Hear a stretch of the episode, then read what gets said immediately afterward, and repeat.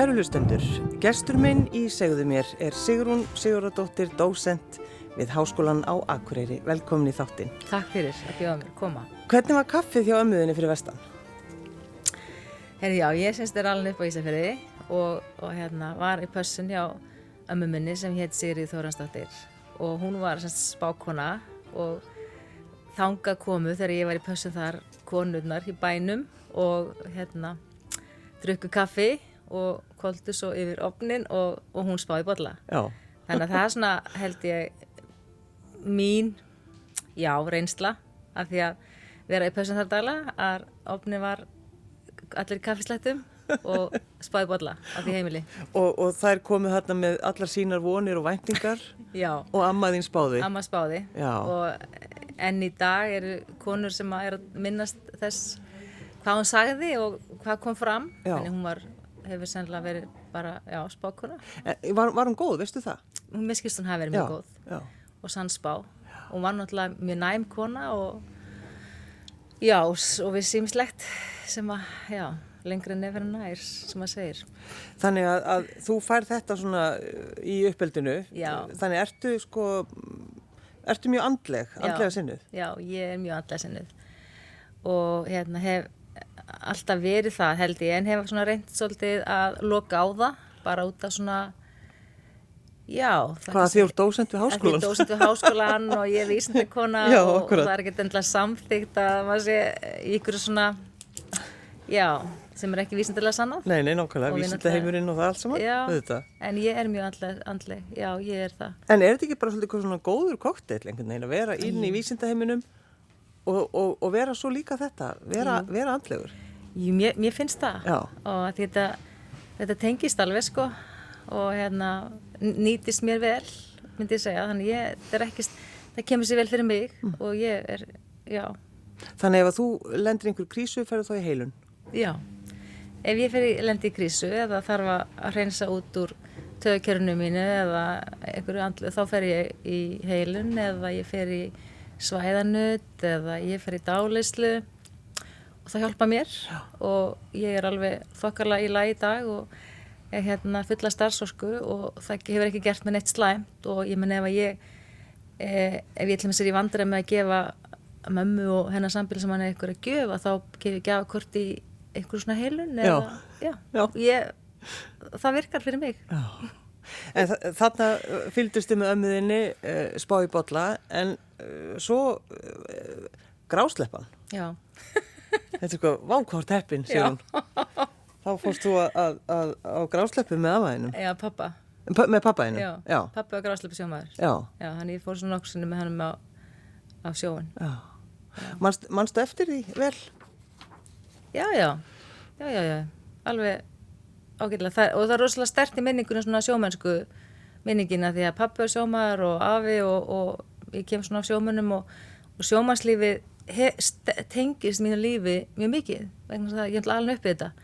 Og, og svona líka þetta gleð og sorgir sko, ætla ég er alls upp á Ísafjörða sem er mikið um sjóslis og, og mikið af nokkrir bara krakkar á mínum aldur sem missa feður sína í sjóin mm. og þetta hafði þetta gífulega áhrif á samfélagið. En á þeim tíma er ekki talað um þetta. Þetta er einhvern veginn pappinn deyr og svo kemur barnið bara í skólan og var aldrei eitthvað svona þetta var veginn ekki rætt og ég var um að horfa á snjóflóðmyndina frá, frá austan Já. sem var sínd á rúð bara núna Nú um páskana. um páskana.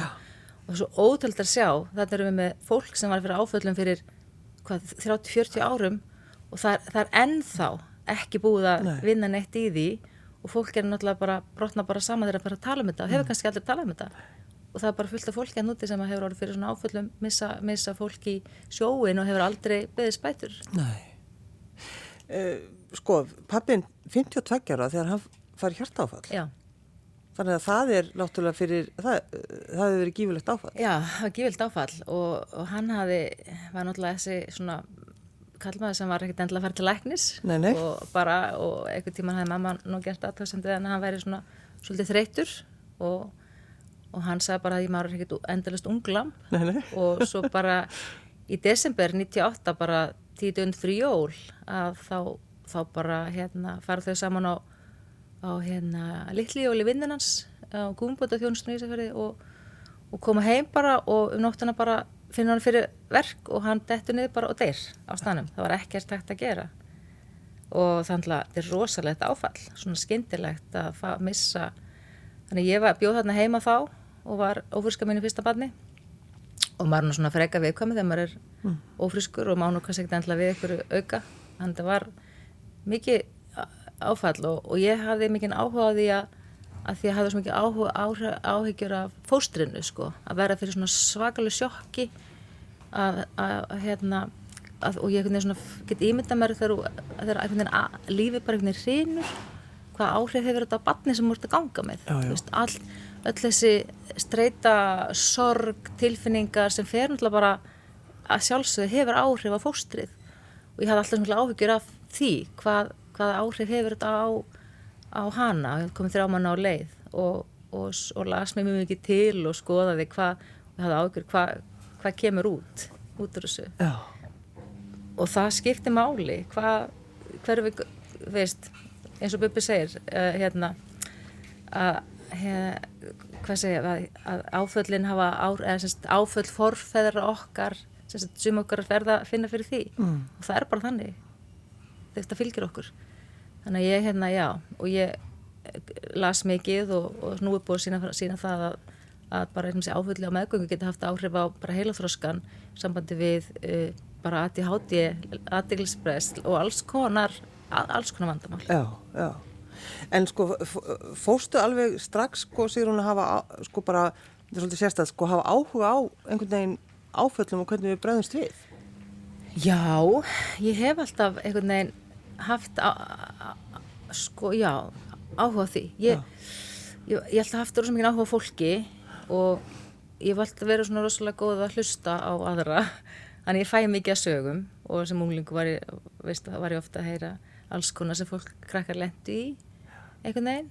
Ég var alltaf einhvern veginn og síðan þegar ég fer að vinna sem lauruglukona uh, að þá hef, hef ég mjög mikið áhuga á ofbeldismálum og eh, sérstaklega ofbeldi gegn börnum og, og þegar að sérst, pappi deyr að, að þá fer ég að hafa svo mikið áhuga á því hvernig áföll og sorg hafa áhrif á líkamann. Þetta er ekki bara sálrænt áfall eins og við köllum það.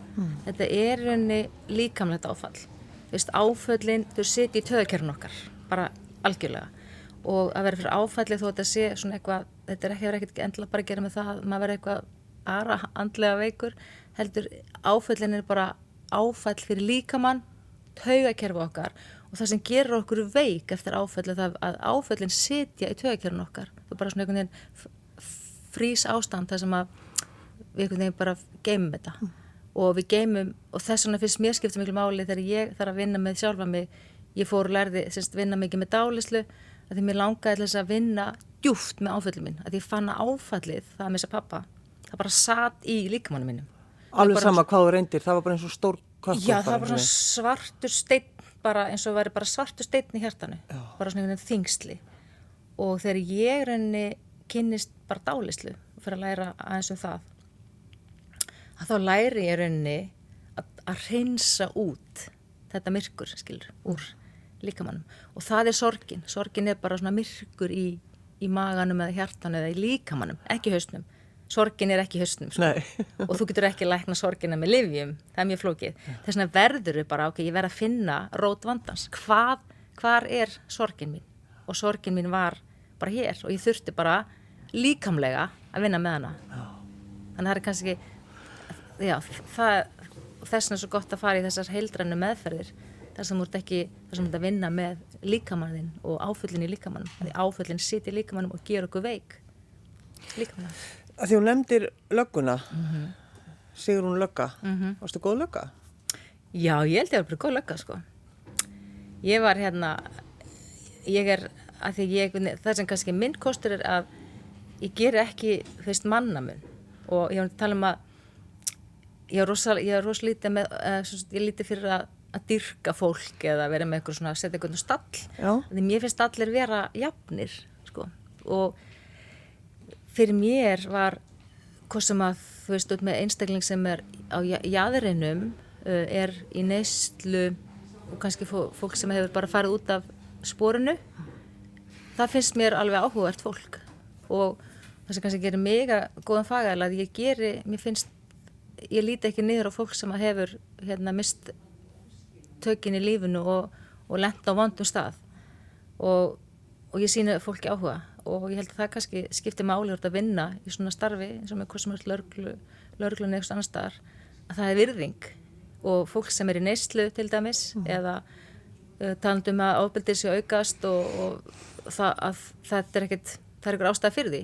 Þú veist, þú ferði ekkert neyslu að því að óvart sko, það er ykkur það er ykkur rót, það er ykkur ástæða það gerðist eitthvað og ég hef mikið náhuga því Þannig ég var, eh, ég var, já ég held ég að hafa verið bara ágætt slögga mm. sko, ég, að því ég síni fólki verningu sko.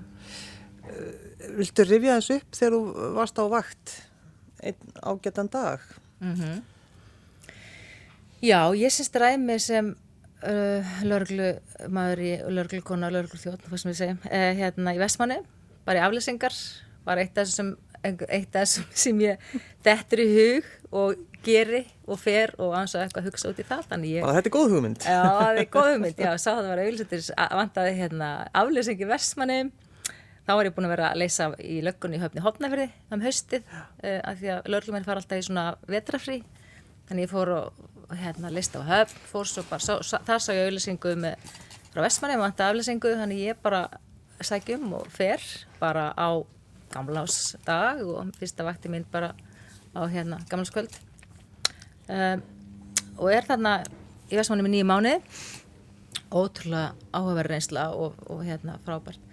En svo er hérna páskadagur 95 og ég er á vaktinni og hérna það kemur sem sagt tilkynningum það að að dreng, lítil drengur hafi finnist ekki, eða sem sé tindur og bæjarbúr fara að leita.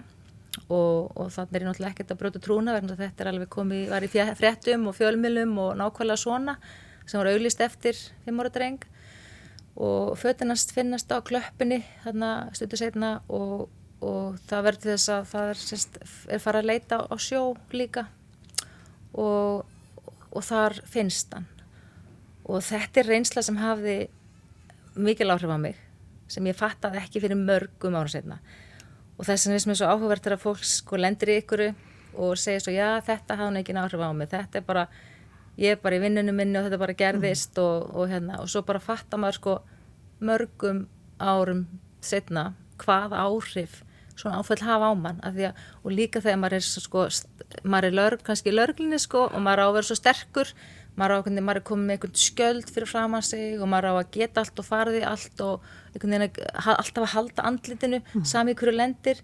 Og þessum tíma 95 það var alltaf til áfallahjálp og, og viðrun. Þannig að ég er unni fyrir, fyrir þetta útkall það sem maður upplifi og það sem er erfitt þegar maður er fagmar það er að upplifa sorg aðstandenda. Það er kannski ekki endilega sko og það er eitthvað sem er svolítið flókið að upplifa og þurfa að vera til staðar fyrir þá sem eftir eru. Og þetta áfall hafði bara, og þá þess tíma þá bara fórum maður heima vaktinni og, og svo mætti maður bara dæin eftir og þetta var aldrei rætt. Og, það, og ég er endur hætt í löggunni eftir vestmanæjar og svona eftir á að higgja þá held ég að ég hef nú bara fengið það mikið áfalli fóreila bara kannski eitthvað svona börnátt því ég kláraði vestmanæjar og svo fór ég bara aftur í hjúgrunn Já og, en þetta áfall hafði það mikil áhrif á mig að, að þetta hefur haft það mikil áhrif á börni mín að, að þau einhvern veginn svona uh, og ég, ég áttaði mig á þessu áfalli uh, ég syns þetta gerist 95 og þannig er sjórin og, og hérna og ég semst að lögurklukona uh, það er ekki fyrir en að ég eignast börn sjálf sem að ég fer áttam á því að þetta hafði áhrif á mig þannig að þannig hafði ég orðið vitnað því að fóreldrar mistu barn og ég í rauninni það sem er gerist með það að strákurinn minn er tíu ára þegar hann, við búum á Akurur og hann vil fara á syklinganámskið og ég bara fæ svona rosalega kvíðakast. Og ég get ekki hugsað mér hann sé, sé að fara út á sjó. Og svo gerist þetta eina hann og ég keiri drottningabröðina ofta dag til þess að fylgjast með honum til að vera vissum að sjálflagi og ég er mjög skild ekki. Og svo kemur að því að, að hérna, ég og dótti mín, elsta dótti mín Signir Ós sem að erum stöðar í bílnum og strákurum er siglir aðeins eitthvað langt út, fannst mér. Þannig fæ ég bara svona endurminningar og það sem að gerist þegar þú verður fyrir áfalli sem þú vinnur ekki með að ef þú lendir í svipum aðstæðum setna að þá getur þú kveikt á öllu eins og þeir lýsa eins og fólki lýsir í myndinni sem var sínd um snjóflóðum fyrir, fyrir austan mm. Að þau segja sko þegar snjóflóðum fyrir vestan í súðugu flatir er koma þá opnast öll sárin upp, upp aftur. Eitthvað sem fólk hafi bara lokað á ekki rætt í mörg ár svo komast snjóflóðum fyrir vestan og þá bara opnast öll sárin þeirra. Og þetta er sama gerist ef, við, ef ég, ég þannig lendi ég áfalli í mínustarfi og þegar ég sé hann fer hérna horfa strákið minn út á sjó þá bara fæ ég þessar endurminningar og ég upplifi bara áfalli aftur og ég bara fæ svona kvíðakast og ég segi við dóttir mín að Signe svolítið fara út og kalla hún sigga og koma í land? Og ég bara, bara er í panik. Og hún horfir á mig hún bara hún skilur í hverju gangi, hún hefði ekki séð mig svona. Þarna eftir og hjósa eftir og hjósa þarna er gamalt áfall 15 ára gamalt áfall sem ég hefði aldrei alveg unnið úr. Svo lendi ég í aðstæðum sem minna á þetta gamla áfall og það opnast allt aftur og þannig er alveg byrja ég að vinna með mitt áfall sem ég var fyrir í starfi. Og ég fer bara svolítið og minna leiðir ég fer, fer bara að vinna með þetta ég fer, eh, og ég fer, fer til dæmis á hérna artþer, eða list, fer að mála fer að listterapíu og þar til dæmis í einum, einum, einum listterapíu tíma mála ég bara þessa mynd sem ég sé af þessum að við erum að fara inn í tilfinningarnar okkar og, og reyna að koma því frá okkur þá mála ég bara þessa mynd sem eru erður eins og myndin fyrir lokaverkefni dóttur minnar þessum myndir sem ég málaði af þessu atviki. Og þetta hefði svo sterk áhrif á mig. Þannig er ég reyna að koma út minn tilfinningum með því að mála uh, og svona margar aðra leiðir. Já, já. þannig já og þetta hefði það mikil áhrif á dóttur minna sem var þá 14 ára að sko já, 14 þegar og síðan hún þegar hún er að klára kveikmyndaskólan 19 ára gömul þá hún var alltaf ákveðin í því að þetta er því lokaverkefni hennar. Það, hún gerir stuttmynd sem heitir Hafiræður já. það sem hún er mitt segi, talar um þig og er bara, það er um já, þig. Þetta er mín saga já. og máli er að ég nefnilega fór á námskeið líka sem í skapandi skrif og mér finnst alltaf svo gaman að finna leið til þess að tjá sig og það er að mála, það er að skrifa það er að eitthvað og ég fór í námskeið sem að e, í skapandi skrif og þar er maður að skrifa eh, og ég, veginn þessi saga og þetta kemur alltaf upp þegar ég fyrir á eitthvað þá það er þetta, þannig ég skrifaði mig frá þessari reynslu. Já. og ég skrifaði stutt smásögu og, og hérna dóttminn hafði eitthvað með að lesa þessa smásögu og, og var svo já þetta er ég ætla að gera þetta. Og þegar hún fyrir byrjar í kveikmyndaskólanum þá er hún svo heppin að kynast mjög góru vingunu sinni sem heitir Ásta Jónuna og það er násna vel saman og vinna vel saman og er hún segir henni frá þessari hugmynd og er vinna í rauninni þessa hugmynd eh, allan tíma, eða semst tvö ár hún getur að fara síðan til Vestmanneia fyrir árið síðan og hérna takit upp, takit upp myndina. Og það var ótrúlega reynsla að vera þar að að, að, og þá líka hvernig áföllin þau eru svo lúmsk og þú, þú fattar ekkert alltaf að þú sért að burðast með eitthvað.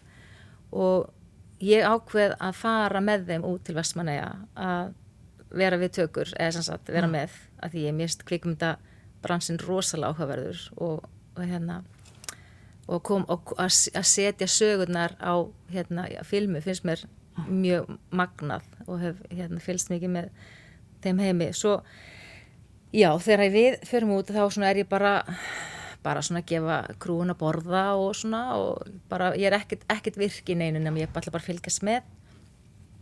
Og rosalega áhuga svo, er, svo eru tökurnar á klettinum þar sem að vera að taka upp þar sem að aðstæðarnar þar sem að uh, er verið að leita og, og ég er stöttaðna á klettinum ég er bara að fylgjast með þeim fylgjast með þeim, taka upp og, og þú veist aðstöðna við leikarna sem er eitthvað svona bara, eh, bara alveg á kantinum og ég maður þegar ég stend á klöppinni og, og ég sagði þetta, hvað er eitthvað svona áhugavert. Svo leið og ég sé björ, að ég fengu björgunabátinn björgunasettin í vestmannin var með þeim í, í liði sko, og fengu þess eitt til þess að sigla björgunabátnum þannig að ég teki það upp. Að hafa þetta svona velvægt og ég man þegar ég stendan á klöppinni núna og björgunabáturinn kemur siglandi fram hjá þá hellist yfir mig svona sorg. Mm. og ég upplifi allt aftur. Og finnst bara einhvern veginn eins og ég sé komin aftur bara 25 ára aftur í tíman Og alveg nákvæmlega nákvæmlega sem tilfinningin. og ég finn bara að ég er bara að fara að brotna saman. Og ég er svona einhvern veginn, hei, veistu, ertu ekki með þetta væl, harkað af þér. Þú getur að grenja hérna á klettinni veist, þetta er bara bíómynd og svona. En ég hugsa, ok, nú ætlum ég bara að leiða mér að, að sirkja þetta áfall. Já. og þarna var, þetta var 24 á liðin síðan þetta gerist. Og ég stend þarna og fylgist með og ég finn bara, tárin byrja bara að renna niður. Og ég lappa bara, sé sest þarna á grjót og leiði mig bara að gráta. Og ég fylgist bara með björgunarbótnum og ég fer í gegnum áfallegum aftur þessar aðstæður þar sem ég var 20 og, eitthvað ára lauruglukona uh, í aðstæðan sem ég hafði aldrei þekkt áður og það bann dó og uh, aðstæðan voru nálagt og ég tek það einhvern veginn inn. Og þarna 24 síðan það, ste- það bara lefi ég mér bara að taka þetta út. Og ég bara sita þarna á steininum og ég bara græt einn og horfi á tökuliðið og þau eru eitthvað bara allt hérna. Þetta var ótrúlega skrítið. Og þannig sýnir okkur hvað áföllin geta setið í líkamannum okkar í mörg, mörg ár og áratugi. Og, og það kom bara svo vel fram í þessari mynd að austan um snjóflöðin Sigrun, þannig sko þitt sérsvið sem kemur þá valla óvart er, eru áföll og áfalla miðu þjónusta við þólendur kynferðisofbildis og kannski sérstaklega þú eru rannsakað kynferðisofbildi uh, gegn drengjum. Já, ég hef hérna gerði það, ég semst uh, þegar ég fó- fór í mitt meistrana semst þegar ég var í löggunni á yngri árum, þá ætlaði mér alltaf að vera sérfræðingur í kynferðisbrotum gegn börnum og ég fór tvissusundi bandarækjana á námskið þar sem ég lærði um það en, en á þeim tíma var ekki minn tími var ekki komið þá og það, ég átti ekki komst ekki áfram innan ætti- þannig ég er unni uh, fyrir skipti bara yfir í hjúkurinn og þá er þessi mál og þetta tengist svo. Mm -hmm. þetta er afbrot en ofbeldismál er allstað þú er kostum öll í lauruglunni, heilbyrðistjónustunni eða hvar sem er í skólakerfinu þannig ég þegar ég fyrir mitt mestarnám eftir hjúkurinn þá geri ég mestarnám um kynferðsbrot ofbeldi gegn konum og afleðinga fyrir heilsufar og líðan. Um, síðan ákveða að fara í doktorsnám og ég var alltaf sem svo mikið spurðum, við erum alltaf að tala um konur hvað með kalla, mm -hmm. er þeir ekki líka frá ofbeldi? Og eitt litur doktorsnámanu mínu var doktorsnámsum um uh, reynsla karlmanna af æsku þar sem ég talaði við karlmenn. Og ég byrjaði með þessa rannsókn 2010 og á þeim tíma var mjög lítið, mjög lítið talað um þetta. Og, og fólk held nú kannski að myndi nú ekki fá þáttækandur í þetta en það var ekkit vandamál að fá þáttækandur sem kallmenn sem þólendur kynfyrsofbeldis og þannig ég hef skoðað það mikið og mér finnst ofsalega mikilvægt að við tölum bara um ofbeldi að vera ekki alltaf að kyngerða skilur. Vegna þess að, að konur eru líka gerendur ofbeldis og kallmenn eru þólendur ofbeldis og það er mikilvægt að við séum að tala þannig og já, þannig ég geri þessa rannsókn þá og ég hef skoðað mikið kallmenn sem þólendur ofbeldis. Ég meina þá bara spyr maður sig sko hvernig að því þú ert að rannsaka þetta svona mikið þú veist, hvernig, hvernig líður þér? Bara svona já, yfirleitt. Já. því- þú veist, þetta er bara svo þetta, Þetta er rosalega þung, já, þung mál. En kannski að því að ég er ég er svona andleg því að tala um að það væri kostur líka. Já, að þá fer ég oft þær leiðir að, að losa út þar að fara í svona, já, heilun eða eitthvað sem að, og ég síðan ákveða að fara að læra jók, vera jókakennari líka til þess að auðvitað, það var bara ekki nóg mikið að gera hjá Sigrúnu. Þannig að 2000 og auðvitað 12 held ferði ég. jókakennaran þá þurfti ég eitthvað að dýfka mig fannst mér. Já. þannig ég ákvað að fara að læra vera kundalíni jóka kennari og klára það 2014 hef ekki droslega mikið unni sem jóka kennari en þessi, þetta nám þetta er svo djúpvinna og nú er bara búið að sína fram á það að, með rannsóknum að, að jóka, sérstaklega áfalla með jóka hérna, sem er frekar svona ný, nýnálgun að það er bara að virka mjög vel við áföllum, áfallastreitu uh, ekki síður en aðrar meðferðir og einn mjög, mjög virtur uh, fræðumæður í bandaríkunum Bessel van de Kolk sem er uh, geðlagnarfrekan sálfræðingur sem að, uh, er með trámasendir í Boston og byggði rannsóknum sína mjög mikið á meðferð, semst, meðferð með hann runni þegar hann var búin að rannsaka mjög mikið áföll að þá sá hann það að fólk að jóka var að virka vel. Og hann semst er fann að taka bara jóka inn í sína rannsóknir á Traumacentur í Boston. Þetta er mjög virt fræðumæður í, í PTSD umræðinni þannig að hérna og þar þú getur alveg fundið, eða vilt þá getur fundið rannsóknir, gaggrinda rannsóknir um jóka sem meðferð við áfallum Já. áfallum með jóka En sko þessar, þessi hugssjón því er, er þetta sko, veistu hvenar þú veist, þú bara fylltist af þessum krafti? Getur þú veistu það? Er það eftir að pappiðin dó eða, eða? Já, gerist mikið eftir að, að, að pappi dó.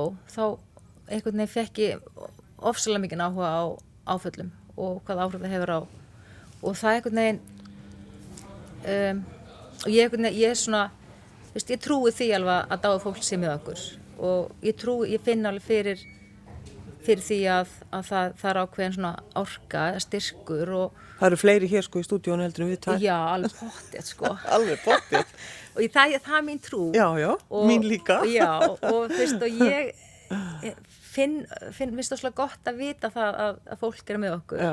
og finna það að, að hérna, og, það, og ég trúi því að það er einhver ástæð fyrir að maður fer ákveðna leiðir og það er tilgangum öllu og, og hérna, en já, ég hef einhvern veginn alltaf verið með þessa hugssjón ég var uh, hérna þegar ég var í, í mentaskóla þá ætlaði mér alltaf að vinna eitthvað með sambandi við uh, börn, mér langaði var að velja um að fara, fara í sálfræð, vera barnasálfræðingur eða mm. hjókunarfræðingur og mér fannst einhvern veginn alltaf þessi nálgun. Og ég hef, ég veit ekki hvað er. Ég ég, ég var alltaf einhvern veginn bara verið svona sko. Mm.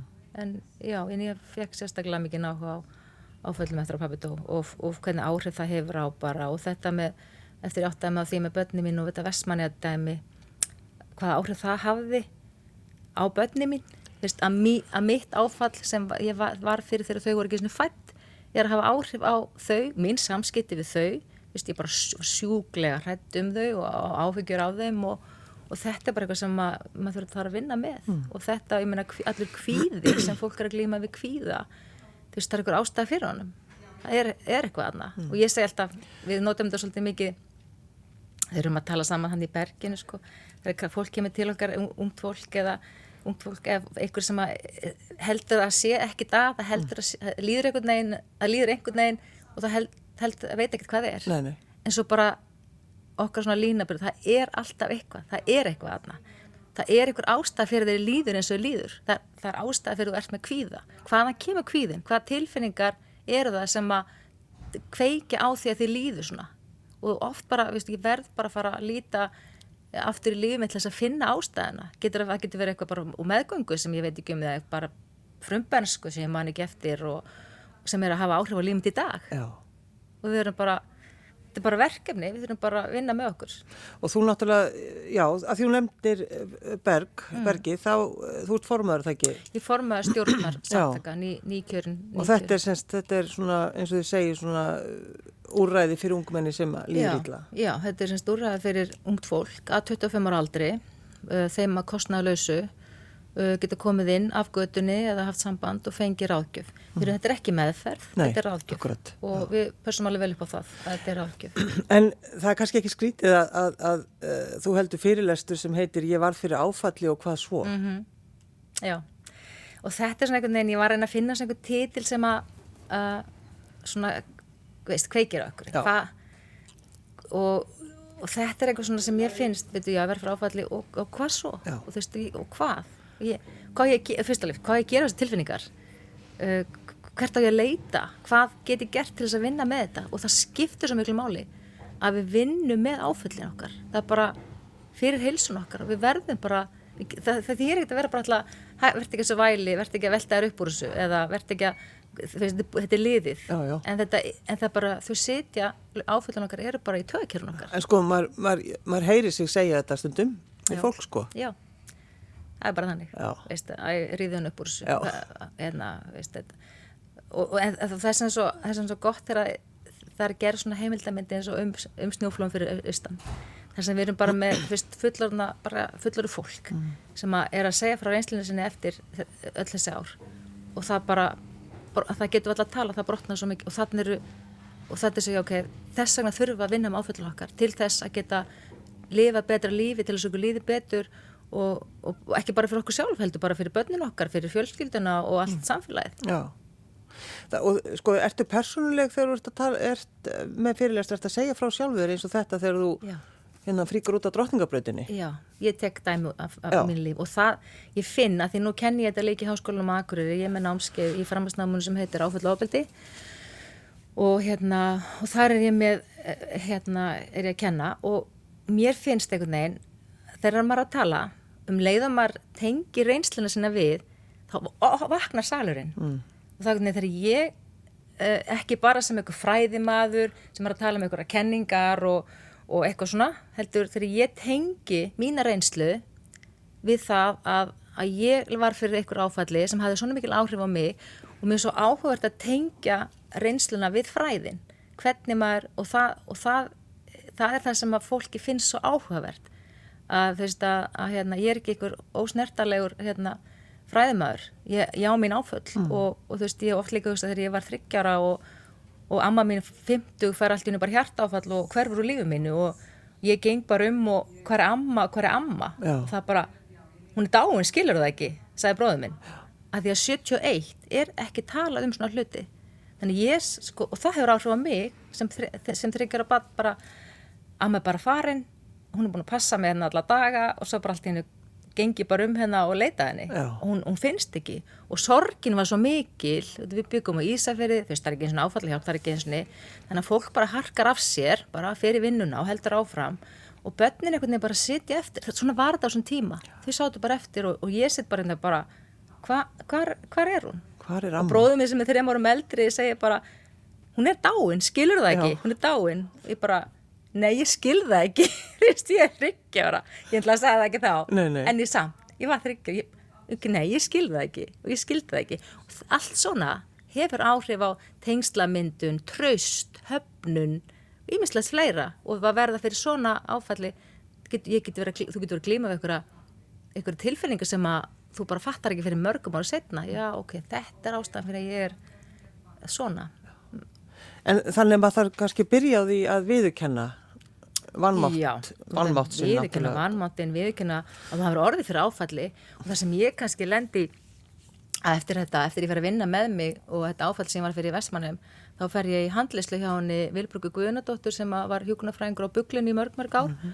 og hérna föðsistin mín var semst að vinna þar og, og hérna komir í samband við henn og, ég, og hún, hún tekur mig í svona að ég fer í handlislu til henn og ég er að segja frá þessu.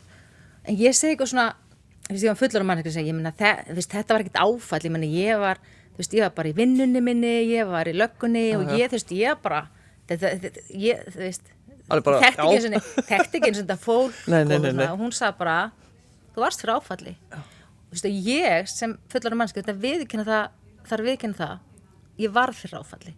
Og fyrsta, þú ert að fara að vinna með þig, fyrsta skrefið er byrju, ég þarf að viðkynna það, þetta var áfall og sama hversu lítið það er þá er fyrsta bara, ok, ég var fyrir áfalli. Þetta var áfall fyrir mig. Eh, ég oppliði mikla sorg og ég þarf bara að gera svolítið fara að taka, taka einn stil í mér. Það er bara nöðslegt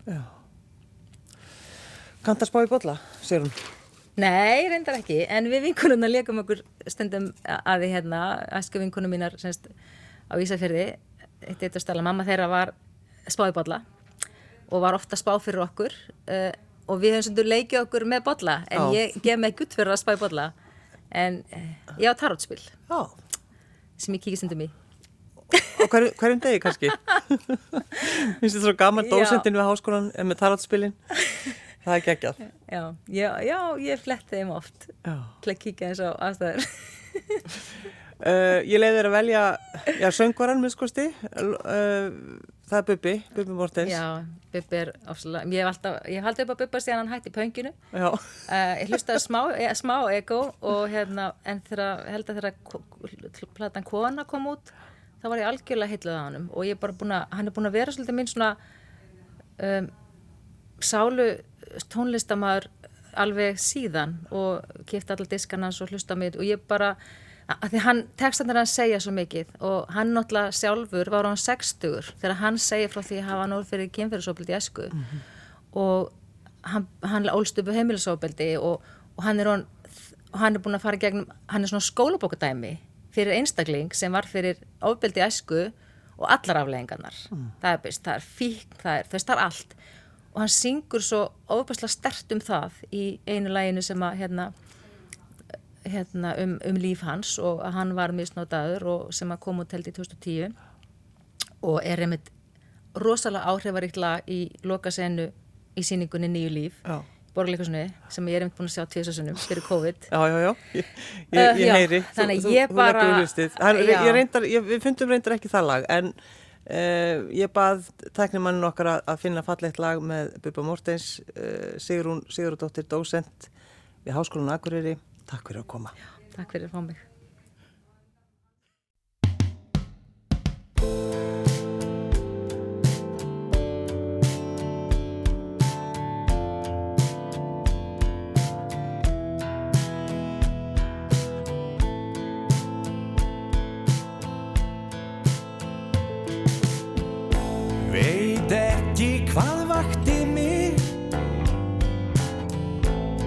Vill liggja um